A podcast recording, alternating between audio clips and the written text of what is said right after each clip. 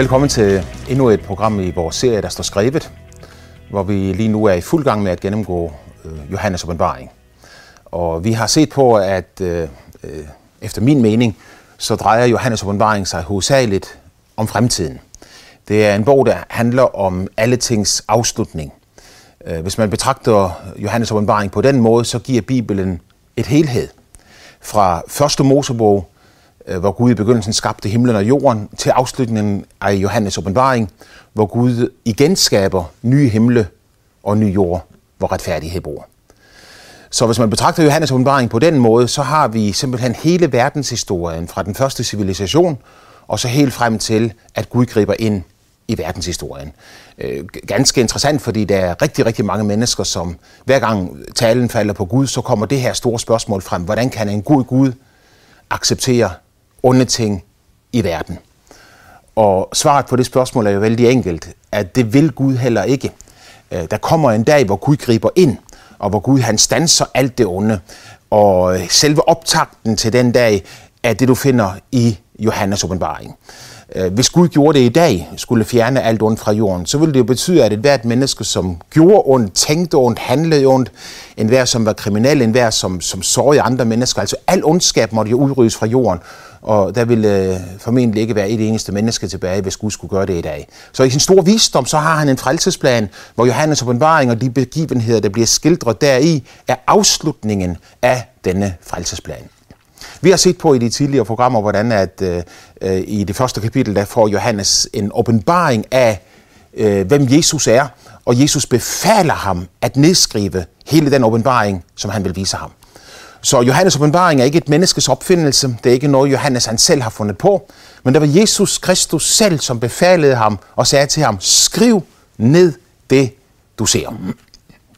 Vi har også set på i de tidligere programmer, at øh, det er øh, min overbevisning, at øh, forskellige bibelske profetier, helt fra profeten Daniel over Jesus og så frem til Johannes åbenbaring, øh, taler om, at der i den sidste tid før Gud griber ind i verdenshistorien, altså før Jesus Kristus kommer synligt tilbage som konge på jorden, øh, at netop der er der en tidsperiode på syv år, hvor øh, djævlen får lov til at vise sin øh, magt, hvor djævlen får lov til at regere nøjagtigt sådan, som han har lyst til på jordkloden.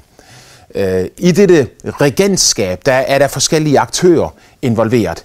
Øh, det er dem, som er beskrevet i, i de kapitler, i nogle af de kapitler, vi har set på Johannes åbenbaring. I åbenbaringsbogen kapitel 12 øh, står der om et stort tegn, som øh, vi tror er nationen Israel, som på en helt særlig måde øh, er et bevis på, at Guds profetiske ord er sandhed.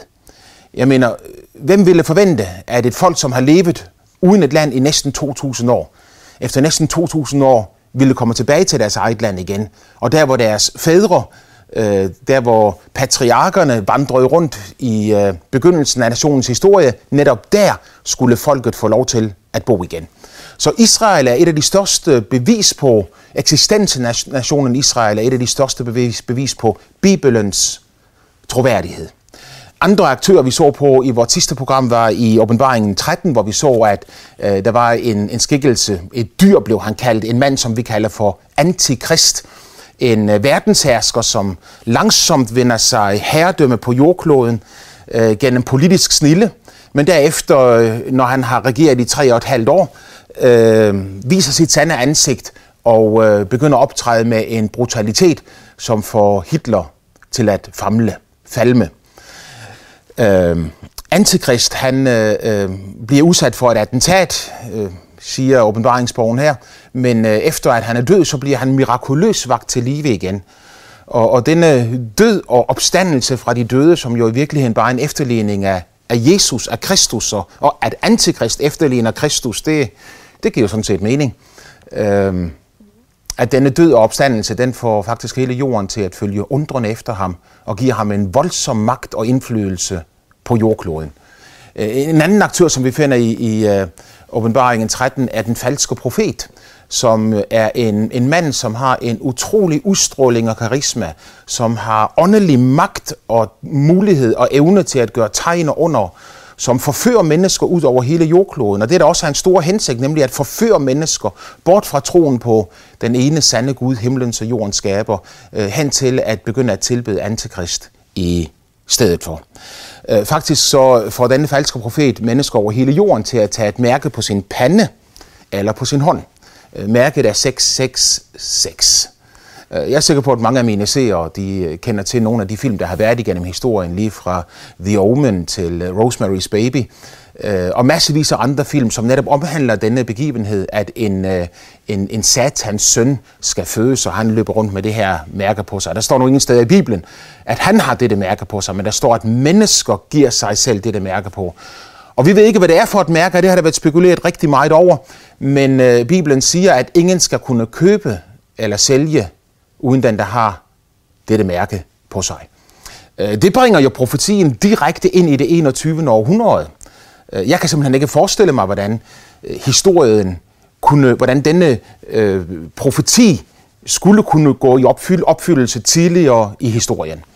Netop nu, i det 21. århundrede, øh, hvor mere og mere handel i verden ikke længere foregår i kontanter og ved, ved byttehandler med, med varer, men hvor øh, alle handler styres via Visa-kort, Dankort, Masterkort osv., øh, så skal der ikke ret meget fantasi til at forestille sig, at øh, man hurtigt kan komme hen til en situation, hvor kontanterne simpelthen bliver udryddet. Øh, forestil dig, hvis det ikke var kontanter i omløb i Danmark. Øh, der vil ingen bankrøverier være mere, øh, og massevis af andre kriminelle overfald på dagligvarerbutikker, og jeg ved ikke alt muligt, hvad folk de finder på for at skaffe sig nogle penge. Øh, det ville være ikke eksisterende, for når der ingen kontanter er i omløb, så er der ikke noget at stjæle længere. Så når Bibelen siger, at der skal komme en tid, hvor ingen skal kunne købe eller sælge, uden den, der har dyrets mærke eller dets tal på sig, så refererer det direkte ind i vores tid. Øh, du skal ikke misforstå mig. Jeg siger jo ikke, at fordi du bruger dit dankort eller dit visakort, at så har du taget dyrets mærke eller tal på sig, og det er det, Bibelen profeterer om. Jeg siger bare, at den begivenhed, der bliver beskrevet her i Bibelen, den skal man ikke have ret meget fantasi for at se, at den går i opfyldelse netop i den tid, vi lever i nu.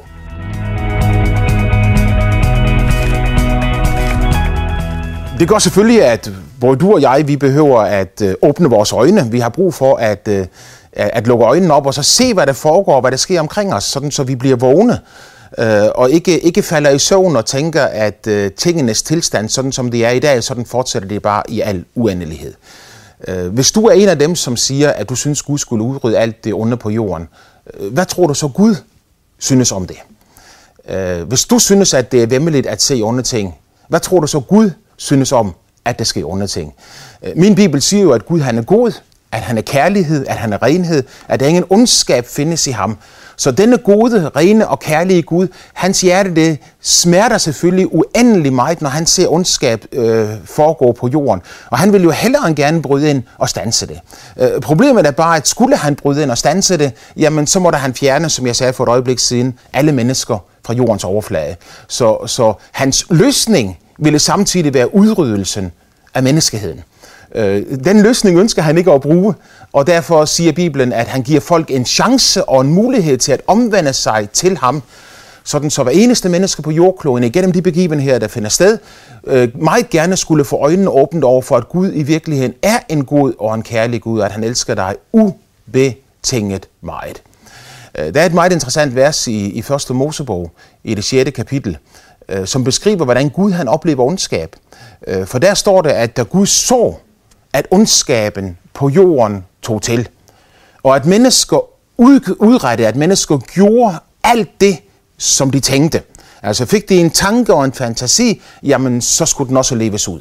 Og da Gud han så al den ondskab, som fandt sted på jorden, så siger, så står der der i første Mosebog, at det skar det ham i hjertet et, et, et, et udtryk, som øh, øh man næsten ikke kan forstå, hvordan, hvordan Gud kan skære sig selv i hjertet, eller hvordan det kan blive skåret ind i Guds hjerte. Altså det, det er bare et udtryk for den enorme smerte, som Gud han føler, når hans skabning, som han elsker, som han har skabt, vender ham ryggen.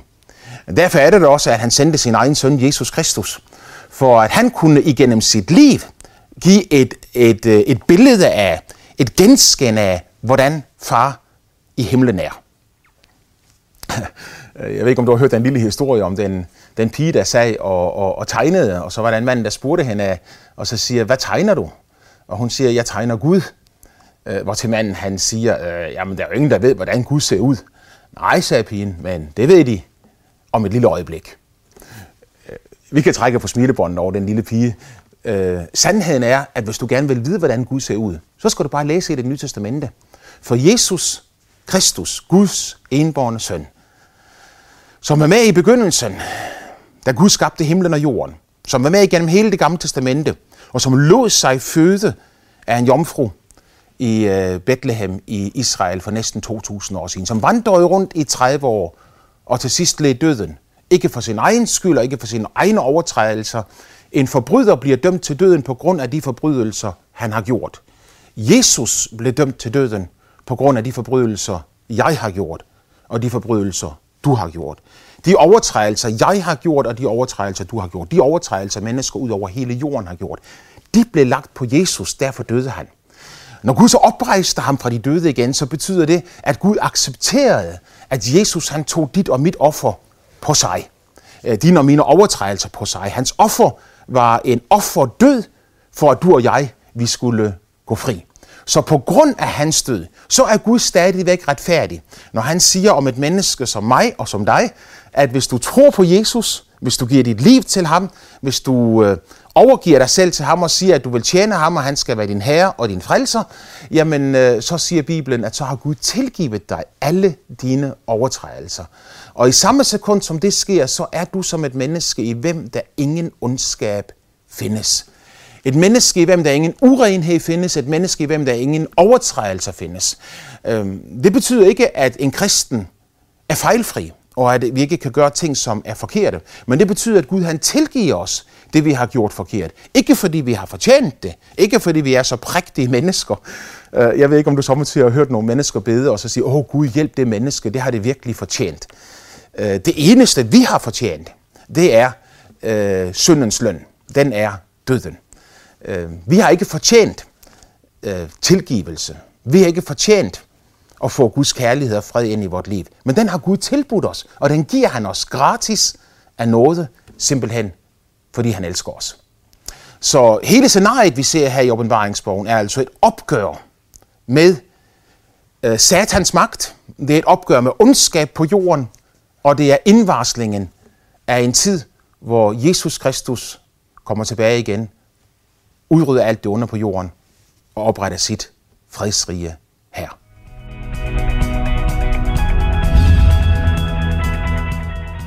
Så disse aktører, vi har læst om i kapitel 12 og, og 13, øh, spiller en stor rolle i øh, alt det, som Gud han er i færd med at gøre i afslutningstiden, og det han kommer til at gøre i afslutningstiden. Så i kapitel 14, der får vi et blik ind i himlen. Det går lige fra jorden til himlen. Øh, Johannes han er jo bortrykket ind i himlen, og det er derfra, han, han, han, han ser øh, hele dette scenarie, som han, han skriver ned til os. Og i kapitel 14, der tilbedes Jesus i himlen. Og øh, alt det, der er i himlen, det er i gang med at ophøje ham. Selvfølgelig fordi, at øh, han er ved at åbenbare sin retfærdighed. Han er i fuld gang med at gøre det, som mange mennesker ønsker. Fjerne ondskab fra jorden. Øh, her i kapitel 14 læser vi så også om tre engle, som øh, med en kraftig røst advarer mennesker ud over hele jorden mod at tilbede antikrist og følge ham, og, og, og, og ligesom siger til dem, at, at øh, Øh, prøve på at vise dem, at han øh, i virkeligheden er ond, og at øh, han er i gang med en forførende magt, og at han i virkeligheden er ude på at bringe mennesker til fald, og ikke på nogen som helst måde hjælpe mennesker. Og i slutningen af kapitel 14, der er der en stærk profeti om øh, en indhøstning af alt det onde. Øh, vi kalder det samtidig for vredens høst, fordi det er et udtryk for, at, at, at Gud er i færd med at samle øh, det onde, sådan så han kan fjerne det onde bort fra jorden. I øh, kapitel 15, der flytter scenariet igen ind i himlen, og her ser vi så dem, som er gået sejrende ud af kampen, siger Bibelen, med dyret og den falske profet. Og det betyder jo, at midt i dette scenarie, i, i den store trængsel, hvor, hvor vi tidligere har set på, at kirken allerede er rykket ind i himlen, og den altså på, ikke, ikke befinder sig på jorden længere, men at der er mange mennesker på jorden på dette tidspunkt, som stadigvæk overgiver deres liv til Jesus Kristus som deres personlige frelser. For Bibelen taler om dem, der er gået sejrende ud af kampen med dyret og den falske profet. Og, og mange af de, som er gået sejrende ud af kampen, de, de er gået sejrende ud set fra Guds synsvinkel, mens øh, øh man på jorden måske gnider sig lidt i hænderne over dem, fordi at øh, øh massemor af, af kristne kommer til at finde sted igen. Du ryster måske på hovedet og så siger, hvad er det, han taler om, massemor af kristne? Øh, og i dag, i år 2012, så foregår det jo allerede i verden. Øh, det er mange år siden, at så mange kristne er blevet dræbt, som det, der sker på jordkloden i dag. Øh, det sker i muslimske lande, det sker i, i Nordkorea, det sker rundt om på jordkloden, at kristne bliver forfulgt. I den tid, før Jesus kommer tilbage igen, øh, der bliver det her mange dobbelt. Og øh, Antikrist vil forsøge alt på at udrydde alle dem, som ikke vil tilbede ham og følge hans politik. Øh, igen så kan jeg trække en parallel direkte tilbage til naziregimet i øh, sidste århundrede, fra 1930-45. Øh, I den periode, hvor mennesker, som ikke delte den nazistiske ideologi, samt fuldstændig blev øh, ikke tålt. Øh, mange blev dræbt, andre blev kastet i fængsel, og øh, andre måtte lide på det værste, bare fordi de ikke accepterede den nazistiske ideologi. Hvis du ganger det her med 10.000, og lidt mere til måske, så har du antikristregime. Så rigtig mange kristne kommer til at lide døden her. Og her i kapitel 15, der ser vi, at disse kristne, de øh, er i himlen. Og der er de i færd med at tilbede Gud og ophøje ham. Øh, faktisk så står der, at de synger Moses og Lammets sang, altså en lovsang til Gud. Og når vi, når vi hører på den sang, som de synger, så forstår vi også, at selve Guds hjerte i alt det, der foregår, netop er det, jeg siger her. Altså ikke en, en hævngær i hævnende Gud, der er ude på at, at slå alle mennesker så hårdt, han på nogen måde kan, som har gjort et eller andet forkert i løbet af deres liv. Men en Gud, som kun er interesseret i én ting, nemlig at frelse mennesker. Så i stedet for at sige, at Gud han er selve årsagen til det onde, der sker på jorden, så er det meget mere rigtigt at så sige, at det, der sker, det er, at Gud han trækker sin hånd tilbage, og så tillader han djævlen at vise sit sande ansigt. Her i kapitel 15, øh, der synger de Moses og Lammet sang, Store og underfulde af dine gerninger, Herre, hvor Gud du almægtige, retfærdige og sande er dine veje, du folkenes konge. Sådan har Gud altid været, sådan er Gud også i dag. Han er en retfærdig Gud, hans veje er sandhed. Alt, hvad Gud gør, er retfærdigt og sandt. Han er ikke uretfærdig over for et eneste menneske. Derfor har jeg det også rigtig godt i mit forhold til Gud, fordi for Gud er det retfærdigt, at han tilgiver mig al min øh, synd, alle mine overtrædelser, alt hvad jeg har gjort forkert igennem hele mit liv, fordi Jesus Kristus, han tog alt det på sig. Han er en retfærdig Gud, som altid handler i retfærdighed og i sandhed. Hvem skulle ikke frygte dig, Herre, og prise dit navn? For du alene er hellig. Ja, alle folkene skal komme og tilbede for dit åsyn. Øh, fordi dine retfærdige domme er blevet åbenbart. Så i himlen synger de en sang. Alle folk skal komme og tilbede for dit åsyn.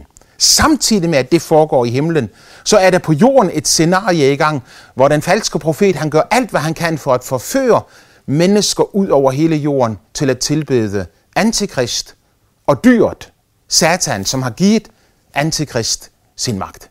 Men øh, øh, Bibelen siger, at han vil mislykkes i det, han ønsker at opnå. Og Guds retfærdighed vil bryde igennem, som øh, dagen bryder frem efter natten. Alle folk skal komme og tilbede foran dit årsyn. I øh, Filipperbrevet, øh, Øh, det andet kapitel, der siger Paulus, at øh, Jesus Kristus, han, han kom ned, og han blev menneske.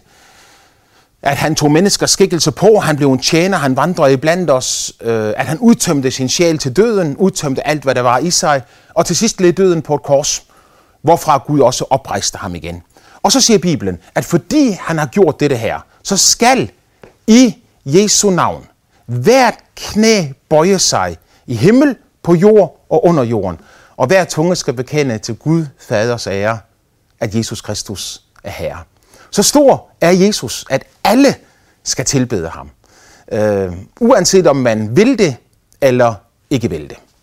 Øh, et andet sted i Bibelen, nemlig i den anden salme, øh, der undrer David sig over i det, han både ser på sin egen samtid, og han også ser profetisk ind i alle de århundreder, der kom efter at David han levede på jorden. Øh, han siger, hvorfor pynser og planlægger folk det, som er tomt og ondt? Og så giver han en beskrivelse af et scenarie, hvordan folkeslagene, nationerne, gør alt, hvad de kan for at ryste lænkerne af sig, øh, hvor de oplever, at, at de ti bud, at, øh, at Guds love, øh, Guds regler om, om renhed, om sandhed, Guds moral, at det er som en, øh, en lænke bundet omkring deres fødder, som de ikke har lyst til. De vil gerne selv bestemme, de vil gerne selv fortælle, hvad der er rigtigt og forkert. Og de nægter at acceptere, at den Gud, der har skabt dem, i stedet for skal fortælle dem, hvad der er rigtigt og hvad der er forkert. Du siger, hvor fortæller Gud os det henne? Jeg siger tak for spørgsmålet. Jeg elsker at få den slags spørgsmål. Svaret er, han fortæller os det i Bibelen. Bibelen er Guds åbenbaring af sin moralske vilje. Bibelen er Guds åbenbaring af sig selv, hvor vi ser, hvem han er, hvad hans tanker er, og hvad hans vilje er. Det er også derfor, vi kan tale med autoritet omkring, hvem Gud er. For vi ved, at Gud elsker alle mennesker. Vi ved, at Gud er kærlighed. Øh, vi ved, som apostlen Jakob han sagde, han sagde, tag ikke fejl, mine elskede brødre. Fra Gud kommer der kun gode og fuldkommende gaver. Øh, hos ham er der ingen skygge, der kommer og går. Han er ikke sur den ene dag og glad den næste dag. Øh, han er ikke en humørskiftende Gud, som det ene øjeblik er ude efter dig, det næste øjeblik fortryder, at han er ude efter dig. Gud er konstant. Han er ren. Han er hellig. Han sidder på sin trone i himlen. Og når David i den anden salme siger, at, at folkeslagene går oprør mod Gud på denne måde, øh, så siger han også, at Gud sidder i himlen, og han lærer. Øh, lærer, fordi at øh, han oplever det, det, det, det nærmest komisk, at mennesker vil prøve på at leve deres egen liv og gøre deres egne ting. Øh, fordi at øh, på et eller andet tidspunkt, så kommer Gud til at gribe ind i historien. Mens det sker, så tillader han selvfølgelig, at du lever dit eget liv, og du gør dine egne ting. Du kan gøre lige nøjagtigt, hvad du vil. Du kan være et menneske, som sætter sig for, at du vil gøre mod andre, som, de vil, som, som du ønsker, at de skal gøre mod dig. Du kan være et menneske, der sætter dig for, at dit liv skal være med til at gøre en positiv forskel på jordkloden. Du kan også være et menneske, der siger, at jeg vil være så ond, som jeg har lyst til at være. Jeg vil rende til mig, jeg er ligeglad med, hvem det går ud over. Jeg vil mobbe andre mennesker, fordi jeg har lyst til at mobbe andre mennesker. Jeg vil stjæle, fordi jeg har lyst til at stjæle. Jeg vil mishandle andre mennesker, fordi jeg har lyst til at mishandle andre mennesker. Det er dit valg hvad du gør i dag. Men Gud, han ser i himlen og ler, når han ser det oprør, der foregår ud over jordkloden. For en dag, så bryder han alligevel igennem. Og uanset hvad man gør for at hindre ham i at rejse sin herlighedstrone, uanset hvad man gør for at forhindre ham i at komme tilbage til jorden igen, synligt, så vil det mislykkes. Det er det, som øh, de synger her i denne sang. Alle folk skal komme og tilbede dig. Og øh, det er selve Guds hensigt med alt det, han tillader, der sker her i afslutningen af åbenbaringsbogen. Så i det 16. kapitel i Johannes åbenbaring, øh, der øh, ser vi faktisk de begivenheder, som finder sted i de sidste tre et halvt år af trængselstiden. Øh, der er mange voldsomme begivenheder, som finder sted på jordkloden i løbet af disse syv år. I de første tre et halvt år er der naturkatastrofe øh, på naturkatastrofer og, og krig og nød og elendighed. Og øh, når du kommer frem til midten af, af trængselsperioden, som er nøjagtigt det tidspunkt, vi lige har set og set på nu, så er det tre et halvt år tilbage. Og her i øh, det 16. kapitel i Johannes åbenbaring, der beskrives øh, de begivenheder, der sker i disse tre et halvt år. Syv vredeskåle, der bliver hældt ud over jorden, som gør, at der kommer bylder, at, at vand forvandles til blod, at, at solen begynder at brænde med en hede, som aldrig nogensinde før, så mennesker på jorden spotter Gud på grund af den store hede, der er. Øh, selv dyrets trone bliver ramt, fordi Gud hælder en vredeskål ud over den, og der bliver mørke ud over hele jorden. Øh, samtidig beskrives der krigsforberedelse, og der beskrives øh, øh en øh, der beskrives en voldsom naturkatastrofe, hvor Bibelen taler om det største jordskælv, der nogensinde har været i verdenshistorien, som vil forårsage store tsunamier, enorm ødelæggelse ud over hele jordkloden. Et jordskælv, som ikke bare er begrænset til et lille område af jorden, men som faktisk er så voldsomt, at Bibelen siger, at øerne flytter sig fra deres plads, og du vil ikke kunne genkende landkortet bagefter. Selve, selve landkort, selve verdenskortet må, må, må tegnes om efter, efter at hele jorden har vredet sig i smerte. Øh, smerten kommer jo selvfølgelig, fordi der er så meget ondskab på jorden. Og øh, når disse ting sker, så er det lige før, at Gud griber ind. Vi skal i vores næste program se på øh, de sidste to aktører, før Jesus Kristus kommer tilbage igen, nemlig det religiøse verdenssamfund og det politiske verdenssamfund, eller rettere sagt det økonomiske, finansielle verdenssamfund, som bliver omtalt i åbenbaringen 17 og 18. Og, og så begynder vi at nærme os afslutningen, for det i kapitel 19, der kommer Jesus Kristus synligt tilbage til jorden igen og viser sig som konge. En kærlighedskonge, en ren konge og en herlig konge. Sådan en, som du kun kan elske, når du ser ham. Må Gud velsigne dig.